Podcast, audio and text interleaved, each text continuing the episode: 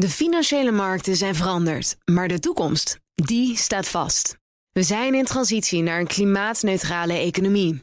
Dit biedt een van de grootste investeringskansen van onze generatie. Een kans voor u om mee te groeien met de klimaatoplossingen van morgen. Meer weten? Ga naar carbonequity.com. Carbon Equity. Do good by investing better.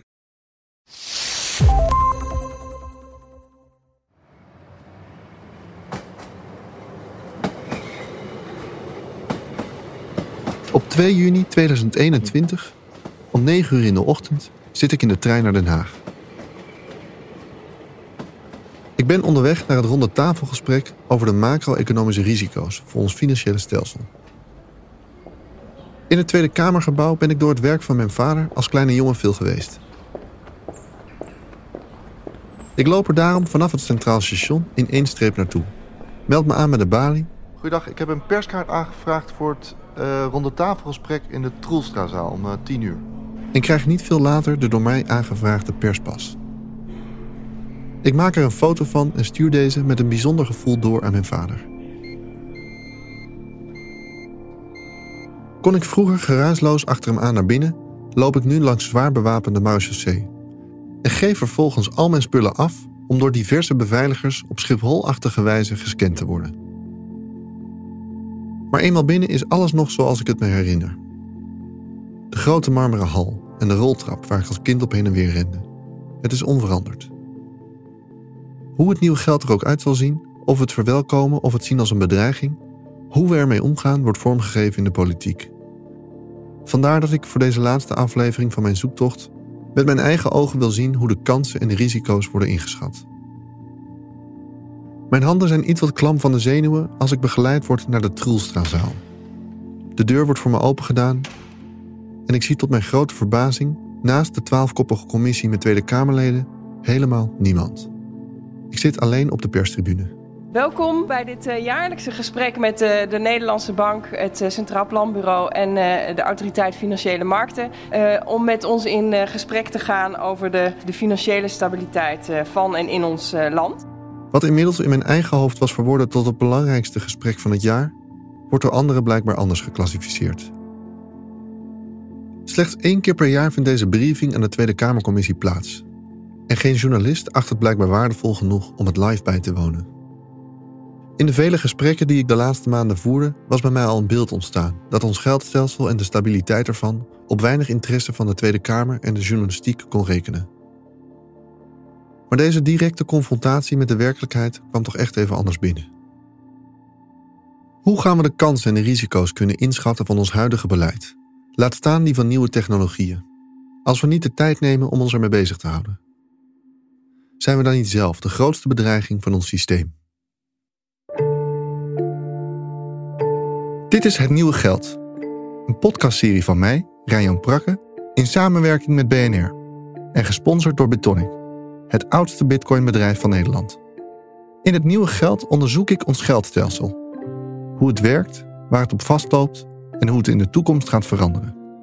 In deze aflevering ga ik op zoek naar het antwoord op de vraag: wat zijn de kansen en de risico's van het nieuwe geld en bij wie ligt de macht? Meneer Knot, mag ik eh, dan u als eerste het woord vragen? Jazeker, uh, voorzitter, dank. Ik kan het toch niet laten om te beginnen. U kent mijn uh, Groningse achtergrond hè, met een, uh, een quote van de Groningse zanger en dichter Ede Staal. En die zei ooit, het hebt nog nooit zo donker west, of het werd altijd wel weer licht. Dat is denk ik een treffende beschrijving van het risicobeeld voor de Nederlandse economie en ook ons financieel stelsel. Want het ziet er toch echt een stuk gunstiger uit vandaag de dag dan zeg maar een jaar geleden rond deze tijd. In de twee uur dat het ronde tafelgesprek duurt, maakt een groeiend ongemak zich van mijn meester. De sfeer is optimistisch en amicaal. Er hangt een gevoel van we hebben de crisis doorstaan, waar we naar mijn idee alleen maar dichter bij een veel grotere crisis zijn gekomen door het onconventionele monetaire beleid dat is ingezet.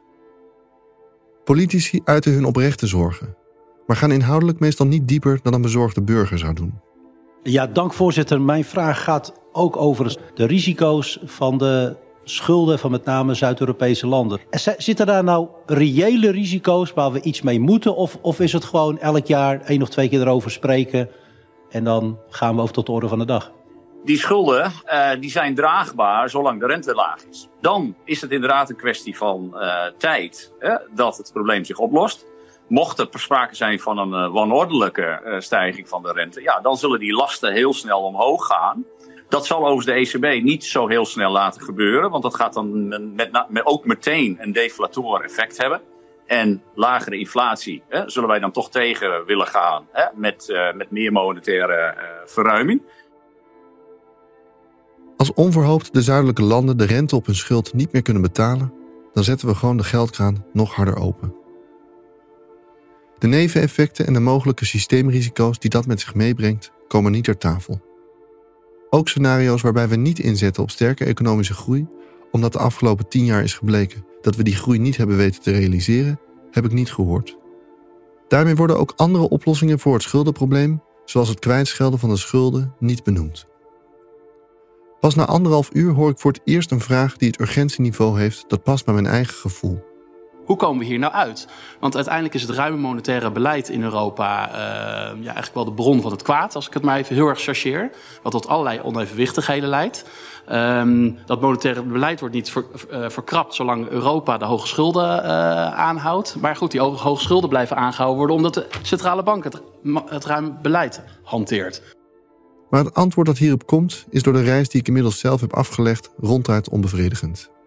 Kijk, het is een misvatting dat het monetaire beleid uh, niet zou kunnen worden verkrapt vanwege de schulden. Het monetaire beleid gaat niet worden verkrapt zolang wij niet voldoen aan ons inflatiestreven. En wij zitten al een jaar of acht met een inflatie die zich structureel onder ons streven uh, bevindt. De inflatiedoelstelling van de Europese Centrale Bank is heilig. Zo staat het immers in het mandaat dat twee decennia geleden is ondertekend. Maar of we de inflatie wel juist meten en of de inflatiedoelstelling zelf niet aan herziening toe is, er wordt niet over gesproken.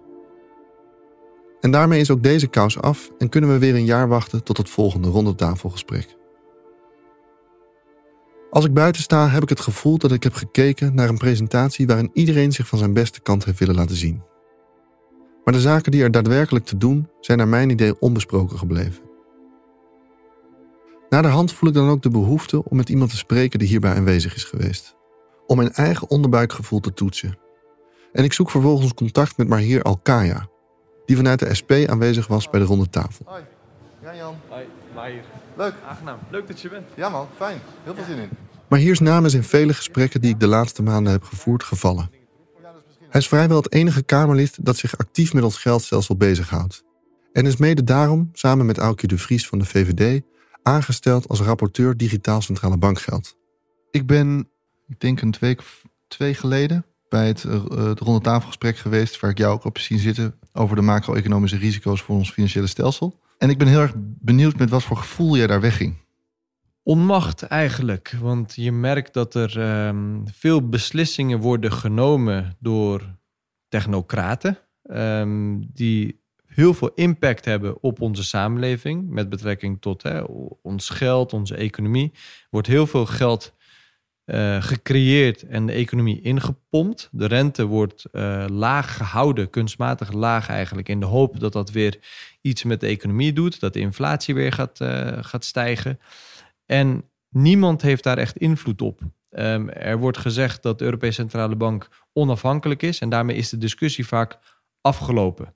En um, dat, dat vind ik ongemakkelijk, omdat de effecten van hun beleid wel degelijk uh, afstralen op onze samenleving en mensen ook ons, politici, daarop aanspreken. Toen dat klaar was, na anderhalf uur, twee uur, had ik zelf echt iets van: oké, is, is dit het, zeg maar. Nu gaan we weer een jaar wachten. En dan is er weer zo'n briefing of zo. En dat voelde ik, ik werd er een beetje, ja, een beetje neerslachtig van ergens. Snap je, snap je dat? Dat snap ik heel goed, maar dat is ook een soort van onmacht eigenlijk. Je had meer verwacht van onze politici dan van jij. Ik kan me voorstellen dat als mensen daar naar kijken, die zien daar allemaal mensen zitten op wie ze hebben gestemd. En je zou verwachten dat als die zich laten bijpraten en daar komt uit dat er een bepaalde ontwikkeling aan de gang is met betrekking tot onze economie, de huizenmarkt en er gebeurt van alles, dat ze dan knoppen zouden hebben waarop ze zouden kunnen drukken. En dat het een kwestie van politiek debat is op welke knop je drukt. Dat is helaas niet meer zo. ehm, het antwoord op veel maatschappelijke vraagstukken is helaas tegenwoordig, daar gaan wij niet meer over. Ehm, dat is buiten de democratie geplaatst.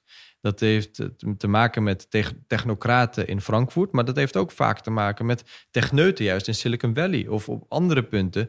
De belangrijkste ontwikkeling in de samenleving gaat de politiek niet meer over. En dat, dat wekt bij mij ook een soort ongemak op. Maar ik probeerde me er wel tegenaan te bemoeien en er tegenaan te schoppen en me er tussen te wringen om er wel over te gaan. Het ongemak zit ook een beetje in, weet je, de, denk ik, de tone of voice, of die ik dan hoor van de, de Nederlandse bank bijvoorbeeld. Ik denk dat het uiteindelijk gaat over het, het urgentieniveau wat er ook vanuit hun uh, ontbreekt. Alle, alle positieve zaken worden, wat mij betreft, gevoelsmatig heel breed uitgemeten. En alle negatieve scenario's die worden aangestipt en vervolgens gaan we weer door. Uh, herken je daar iets in? Enigszins. Ik denk dat het ook te maken heeft met dat als een negatief punt wordt uitvergroot door de, de, president van de Nederlandse bank, dat, uh, dat dat ook weer een eigen leven kan leiden. En dat ze daardoor juist um, een beetje terughoudend zijn misschien in hun communicatie. Maar dat zou ik niet weten hoor. Dat zou misschien een van de afwegingen kunnen zijn. Juist als Klaas Knot zou zeggen van jongens, we staan echt voor een ravijn en het is uh, heel spannend. Dan komt dat ravijn ook echt dichterbij. Als dat dus de, de dynamiek is, kan er dus nooit iemand je waarschuwen dat, dat we vlakbij een ravijn staan. Ik probeer dat natuurlijk wel. Eh, het is de taak van politici om wel die analyse, analyse te maken en met voorstellen te komen om ons weg te manoeuvreren, om ons uh, ja, om crisis, crisis proberen te voorkomen. Of in ieder geval als die plaatsvinden, om ervoor te zorgen dat gewone mensen daar niet de negatieve uh, gevolgen van ondervinden.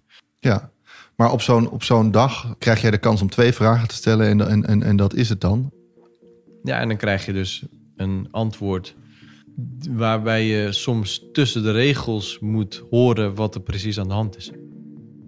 Tussen de regels door worden Kamerleden die goed kunnen horen verteld hoe de vork in de stil zit.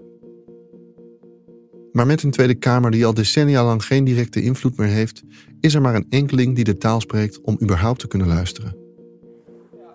Ik praat verder met Arnoud Boot. Je komt voor mij zeker? Ja, Ja, oké. ja. Hey, leuk. Hey, leuk. We kunnen aan deze tafel zitten, denk ik wel. Of dat, uh... Arnoud is als econoom verbonden aan de Universiteit van Amsterdam. Maar zit daarnaast in de Wetenschappelijke Raad voor het Regeringsbeleid, de WRR. En adviseert en informeert zodoende het parlement en de regering over maatschappelijke vraagstukken. Hij loopt daardoor al jaren in Den Haag mee en kent de dynamiek. Ook Arnoud vertel ik over mijn eigen ervaring bij de ronde tafel en we belanden vervolgens in een gesprek over de schuldenproblematiek. Eh, dus de schuldenproblematiek is iets wat uh, in brede zin, wat het parlement eigenlijk dagelijks in zijn hoofd moet hebben. Want dat is ongelijkheid in de samenleving. En ongelijkheid is, is vanuit het parlement bezien, of je nou links of rechts bent. Dat is toch het cruciale. Want die ongelijkheid en ongelijke kansen en wie weet wat er allemaal mee samenhangt. Dat is wat de maatschappij splijt. Eh, en, maar dat geeft ook meteen aan dat als je schulden ziet als financiële sector, dat de financiële sector dus midden in die samenleving staat. En dat je dus ook de vraag moet stellen: wat zit er in hemelsnaam in het systeem wat het maken van schulden zo makkelijk maakt en mogelijk attractief maakt? Maar heeft u ook het idee dat dat. U zegt dat zou eigenlijk dagelijks in het achterhoofd of, of in het voorhoofd misschien moeten. Heeft u ook het gevoel dat dat zo is? Nee, dat, nee dat, is zeker, dat is zeker niet zo. Omdat, uh, kijk, de reden is evident. Uh, de, er is altijd, elke dag heeft de politiek een bepaalde actualiteit. Kijk naar de afgelopen weken. Het gaat over potentiële kabinetsformatie. Maar kijk in de tussentijd waar het eigenlijk allemaal over gaat. Welke gevechten die nergens over inhoud gaan. Maar wel absoluut het nieuws 100% domineren. Dus uh, ja, de media werken ook op die manier. Ja? Jij zat er misschien als enige journalist. Misschien was je ook wel letterlijk de enige journalist die op dat moment aan het volgen was. Omdat er iets anders uh, attractiever was voor de nieuwscyclus. En politiek is sterk op die nieuwscyclus gericht. En uh, waarom is het in deze, juist in deze periode zo belangrijk dat de politiek ook iets meer die, die iets langere termijn, twee jaar vooruit kijkt. Juist in deze tijd, niet puur COVID, maar gewoon deze jaren. Dat is omdat er heel veel aan het veranderen is in die maatschappij. We zijn hem opnieuw aan het ordenen. Waar de risico's liggen, waar mensen eigen verantwoordelijkheid hebben. Hoe we systemen inrichten. Denk even aan het pensioenvraagstuk. Wat is de verantwoordelijkheid van mensen voor een pensioen? Uh, die, die, waar ligt de eigen verantwoordelijkheid? Waar ligt de collectieve verantwoordelijkheid? En daar is op dit moment eigenlijk heel veel aan het veranderen. Maar dat is een proces wat, ja, dat heeft, uh, dat heeft geen natuurlijk begin en eindpunt. En het heeft ook geen dagelijkse oplossingen. Denk aan hoe, hoe langer gedebatteerd is over pensioenen. Uh, dus het is een lastig onderwerp om dagelijks over te gaan discussiëren. En vandaar ook dat je vaste momenten in het jaar hebt dat je gedwongen bent daarover te discussiëren. Want dan moeten die ook voorbereid worden. Even die bijeenkomst waar je bij was. Het Centraal Planbureau moet met een rapport komen. De Nederlandse Bank moet met een rapport komen. Dus er is documentatie. Ik zou daar nog een derde rapport bij willen hebben. Want Centraal Planbureau en de Nederlandse Bank, dat zijn instituties. Uh, die hebben dus ook uh, ja, hun bepaalde kijk erop. Uh, mogelijk, mogelijk speelt daar kuddegedrag. Die mensen komen elkaar elke dag tegen. Heb daar een onafhankelijke persoon bij. Het punt wat je zou kunnen maken is dat je de onafhankelijke geluiden in de maatschappij moet mobiliseren. En dat dat een hele belangrijke rol voor het parlement is. En dat betekent dus onder andere, maak optimaal gebruik van een toevallig orgaan wat Nederland heeft, de Wetenschappelijke Raad voor het Regeringsbeleid. We zouden het vandaag nooit oprichten. En weet je waarom we het nooit zouden oprichten? Want het is de, eh, naast de Sociaal-Economische Raad de belangrijkste adviseur van de regering. Het valt onder het ministerie van Algemene Zaken, direct onder, uh, onder Rutte.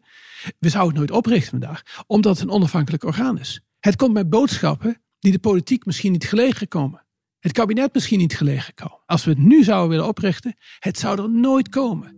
Want het laatste wat de politiek en regeringen gedaan hebben de afgelopen twintig jaar, is onafhankelijke geluiden mobiliseren. Maar alsjeblieft, heb geleerd van de afgelopen twintig jaar. Mobiliseer onafhankelijke geluiden.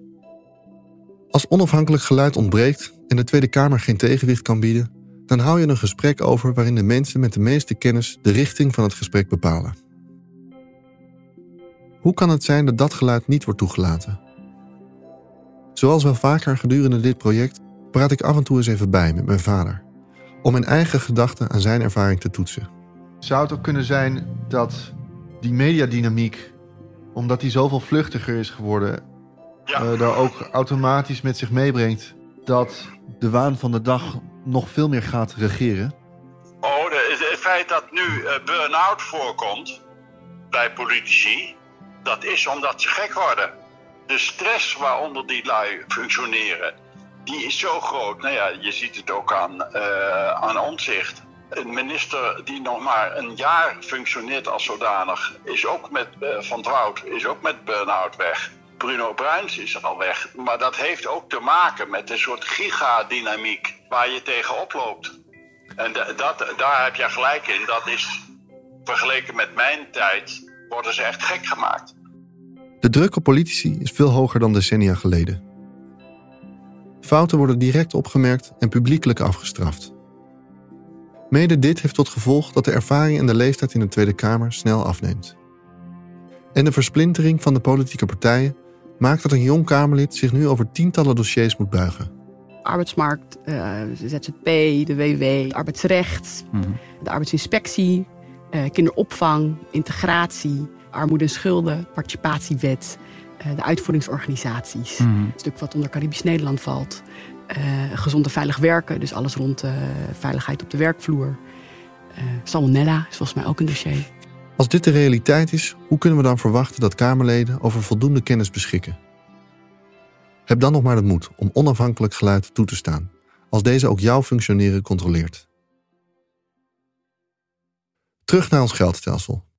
Wat is de kern van het probleem en wat zijn de veranderingen die we in de gaten moeten houden?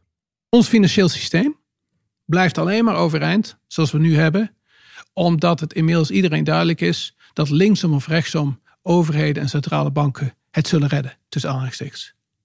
Ja, nou ja, dat is een fiat systeem. Dat is een, fiat, dat is een systeem wat niet de toekomst heeft. Dus het, er moet een ander systeem komen. Een systeem wat veel minder afhankelijk is van banken. Een systeem wat veel meer afhankelijk is van lange termijn funding, uh, financiering. Wat meer afhankelijk is van eigen vermogenachtige financiering. Daar kun je nooit failliet aan gaan, eigen vermogen. Al die leningen, dat geeft alleen maar uh, van die stroppen rond je nek en molenstenen. Dat wat leningen zijn. Want als het even tegen zit, leningen een molensteen.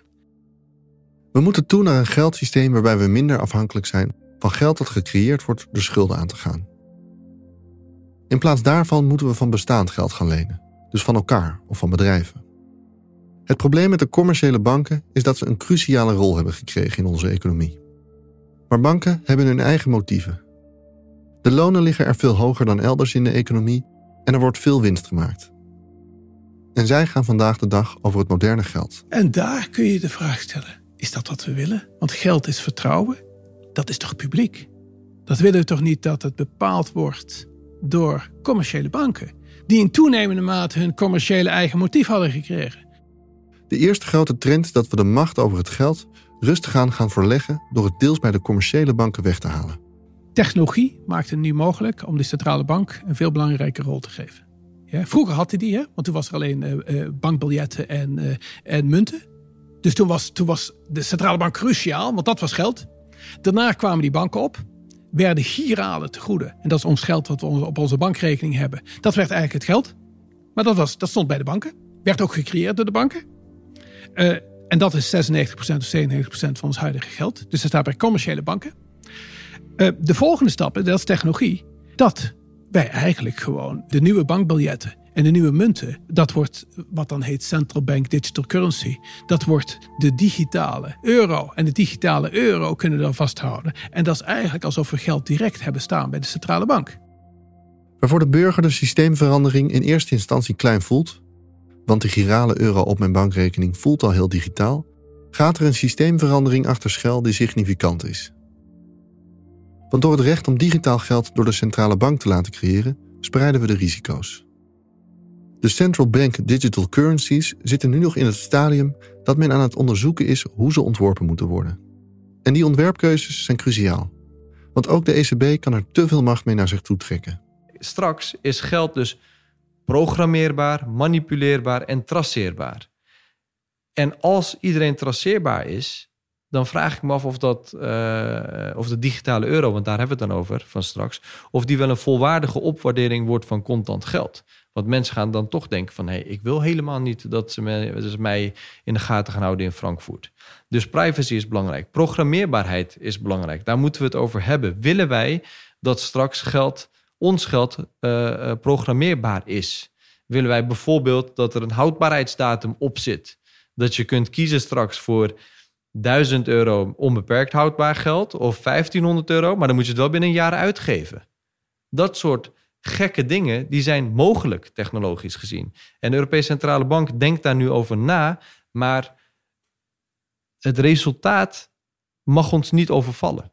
Er wordt nu geëxperimenteerd, zeg je. Worden er dan nu ook al echt keuzes gemaakt? Of komt er op na een tijdje een soort moment van... jongens, we hebben nu deze en deze experimenten gedaan... laten we nu een richting gaan kiezen? Nou, die keuzes worden niet expliciet gemaakt, maar uh, wel impliciet. Dus op het moment dat wordt gezegd bijvoorbeeld van we experimenteren met een, een limiet van, er wordt nu gesproken over 3000 euro bijvoorbeeld, wat je maximaal dan daarop zou kunnen hebben. Dus als, als de experimenten die nu plaatsvinden tussen 3, 5 en 10.000 euro gaan, dan is bijvoorbeeld de optie van volledig limietloos is al niet mee geëxperimenteerd. Uh, of een, hele hoog, een heel hoog limiet de bandbreedte van de keuzes die wij hebben, die worden natuurlijk met die experimenten worden die wel al vernauwd.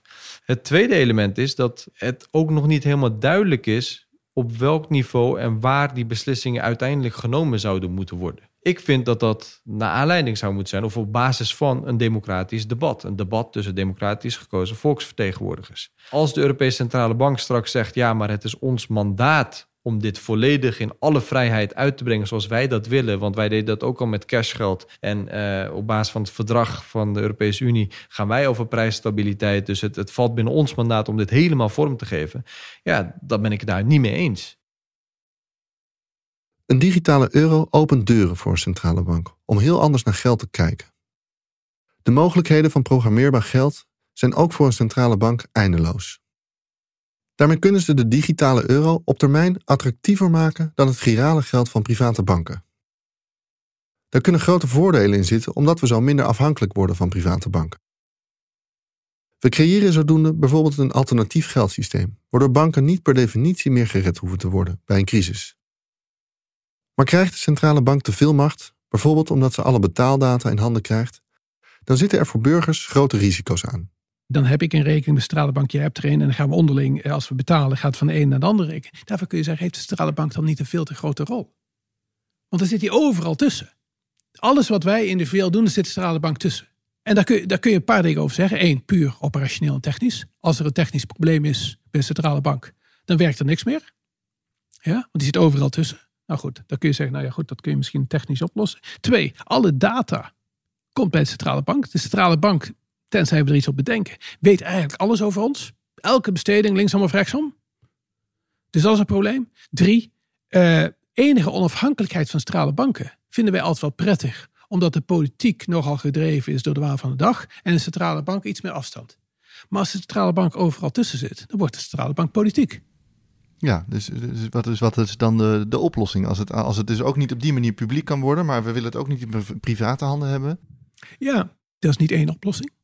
Alles is uiteindelijk een afweging tussen voor- en nadelen. En ze zijn als, zich als de dood geschrokken twee jaar geleden. Toen Facebook met dertig andere partijen uh, de Libra suggereerde. Wat een directe concurrent was, zou geweest zijn, omdat de Libra in tegenstelling tot Bitcoin uh, Libra zou een vaste waarde hebben. Een stable coin heet dat. Gedekt door een mandje van echte valuta, zeg dan even, de dollar en de euro. Dus zou een vaste, vaste waarde hebben, een anker. Uh, en dat zou door iedereen op die platforms, Facebook, uh, Amazon, gebruikt worden onderling, et cetera. Nou, dan was het hele geldsysteem en geld was bijna geprivatiseerd. Ja? Uh, dus dan, was, en dan hadden we nog een groter probleem gehad met die platformen. Want die hebben dan niet alleen dat iedereen op hetzelfde platform alles en nog wat doet. Maar nu hebben ze ook nog het geld eigenlijk. Hè? De Libra. Dus centrale banken waren gedwongen te reageren. Op 18 juni 2018 lanceert Facebook de whitepaper van de Libra. Die in 2020 is omgedoopt tot Diem. Met de stablecoin zou betalingsverkeer mogelijk gemaakt worden zonder de tussenkomst van een private of een centrale bank. Waar Bitcoin nooit als een direct gevaar gezien is, stonden alle alarmbellen, zowel in Europa als in de VS, direct op rood. Want met een kleine 3 miljard aan gebruikers wereldwijd zou het direct een groot deel van het betalingsverkeer in handen kunnen krijgen. Vijf dagen later, op 23 juni 2018, wordt Zuckerberg opgeroepen in het Amerikaanse congres. En komt daar met de bank die unbanked belofte die Bitcoin een decennium daarvoor maakte. There are more than a billion people around the world who don't have access to a bank account, but could through mobile phones if the right system existed. And that includes more than 14 million people right here in the US. Being shut out of the financial system has real consequences for people's lives, and it's often the most disadvantaged people who pay the highest price. I believe that this problem can be solved, and Libra can help. De toegang tot een goed werkend betaalsysteem is vandaag de dag voor grote delen van de wereld onbereikbaar. Geef je mensen de mogelijkheid om geld te sparen of om bijvoorbeeld internationaal kosteloos betalingen te verrichten, dan kan dat gigantische voordelen opleveren voor een maatschappij. Maar er kleven ook donkere kanten aan. Want naast alle data die Facebook vandaag de dag van al haar gebruikers binnenhaalt, krijgt ze ook alle betaaldata van mensen in handen. Data waarvan inmiddels duidelijk is geworden dat het machtige instrumenten zijn. Wat de kracht is van Big Tech die zich met betalingsverkeer bezig gaat houden, blijkt als je kijkt naar WeChat en Alipay in China. This app handled more than 15 trillion dollars of transactions last year. That's more than Mastercard and an amount of money that's similar to the European Union's GDP. It also has more than 900 million users in China. People use Alipay on buses and taxis to pay their utility bills, shop in stores and online, and even to buy insurance and make investments.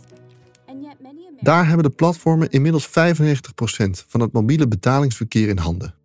Waardoor het geld inmiddels nooit meer de platformen hoeft te verlaten.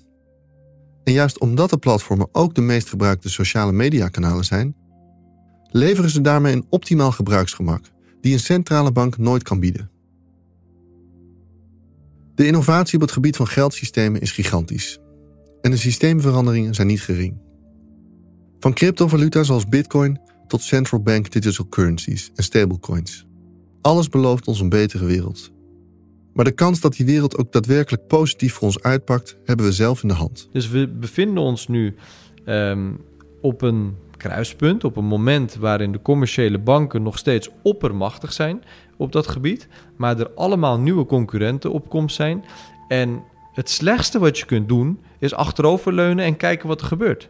Ik bedoel, wij zijn als overheid belanghebbende in dit spel. We zijn niet een neutrale toeschouwer, we zijn belanghebbende. En je ziet dat uh, heel veel politici, omdat ze die technologische ontwikkelingen niet snappen of niet willen volgen en daardoor ook minder de blik eh, eh, naar buiten hebben in dat opzicht. Dat ze veel meer eh, gericht zijn op het ehm, reageren op technologische ontwikkelingen vandaag en nu. Dus veel meer politici zijn gericht op het bestrijden van de uitwassen van Airbnb en Uber. Terwijl ik in 2015 al probeerde in scenario's te denken welke kant de deeleconomie, want toen spraken we nog over een deeleconomie, welke kant op zou kunnen gaan. Dus mijn instelling is de technologie analyseren, kijken wat de scenario's zijn waar we terecht uh, zouden kunnen komen en dan proberen de samenleving met wetten en regels die kant op te sturen. Terwijl 9 van de 10 politici die bril niet hebben en reageren op de misstanden uh, op dit moment. De misstanden van dit moment hadden wellicht voorkomen kunnen worden als we er eerder over hadden gesproken. Als we onafhankelijk geluid mobiliseren en aan onze politici laten zien dat ze onze zorgen over het huidige geldsysteem serieus moeten nemen, als we in debat gaan over de geldsystemen van morgen, als we van elkaar leren en luisteren, crypto-enthousiast of niet, burger, wetenschapper of politicus, dan kunnen we het nieuwe geld voor ons laten werken. Letterlijk door het te programmeren en figuurlijk omdat het systeem democratischer, stabieler en rechtvaardiger wordt. Geld is macht. Wil je stabiliteit, dan moet de macht verdeeld zijn. Is de geldcreatie in handen van één instantie of één sector, dan is dat op zichzelf al een systeemrisico. Maar de macht verschuift. Dat is een doorlopend proces. Soms langzaam en eens in de zoveel tijd snel en disruptief. Bitcoin heeft dat disruptieve tijdperk ingeluid en zorgt samen met alle andere cryptovaluta voor een immense stroom aan innovatie. Een jonge generatie vindt letterlijk spelenderwijs technieken uit, vaak zonder de mogelijke systeemveranderende kracht ervan op waarde te kunnen schatten. Big techs en centrale banken implementeren gelijktijdig de beschikbare innovaties en hebben door hun politieke macht en het schaalvoordeel de middelen om de techniek ineens overal in onze broekzak te krijgen. En de machtige partijen van nu, de private banken, worden van alle kanten onderworpen aan concurrentie die hun voortbestaan bedreigt. En waar die trend op zich goed is, we willen immers de balans herstellen, moet het dus niet dusdanig disruptief zijn dat ons geldsysteem vroegtijdig instort en wij zelf de dupe ervan zijn. Kortom, als we niet serieus naar alle krachtenvelden van het nieuwe geld kijken, als we geen scenario's uitwerken, dan zal de realiteit ons inhalen en heeft een van de nieuwe spelers de macht naar zich toegetrokken. Dan is het wachten tot de geschiedenis zich herhaalt, hoewel we een nieuw evenwicht in de wereld hadden kunnen scheppen.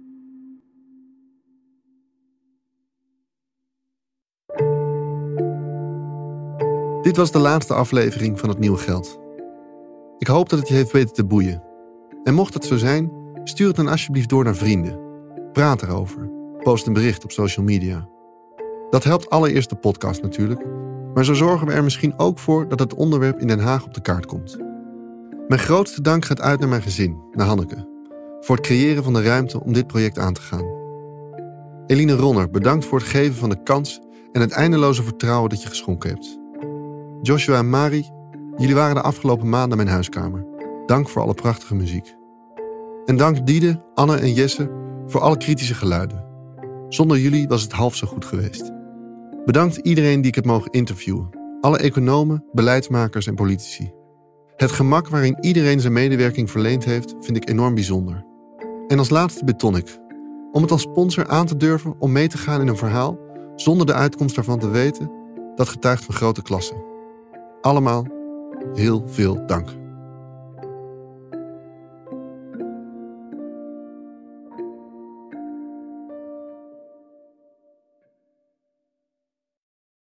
De financiële markten zijn veranderd, maar de toekomst, die staat vast. We zijn in transitie naar een klimaatneutrale economie. Dit biedt een van de grootste investeringskansen van onze generatie. Een kans voor u om mee te groeien met de pioniers van morgen. Meer weten? Ga naar carbonequity.com. Carbon Equity. Do good by investing better.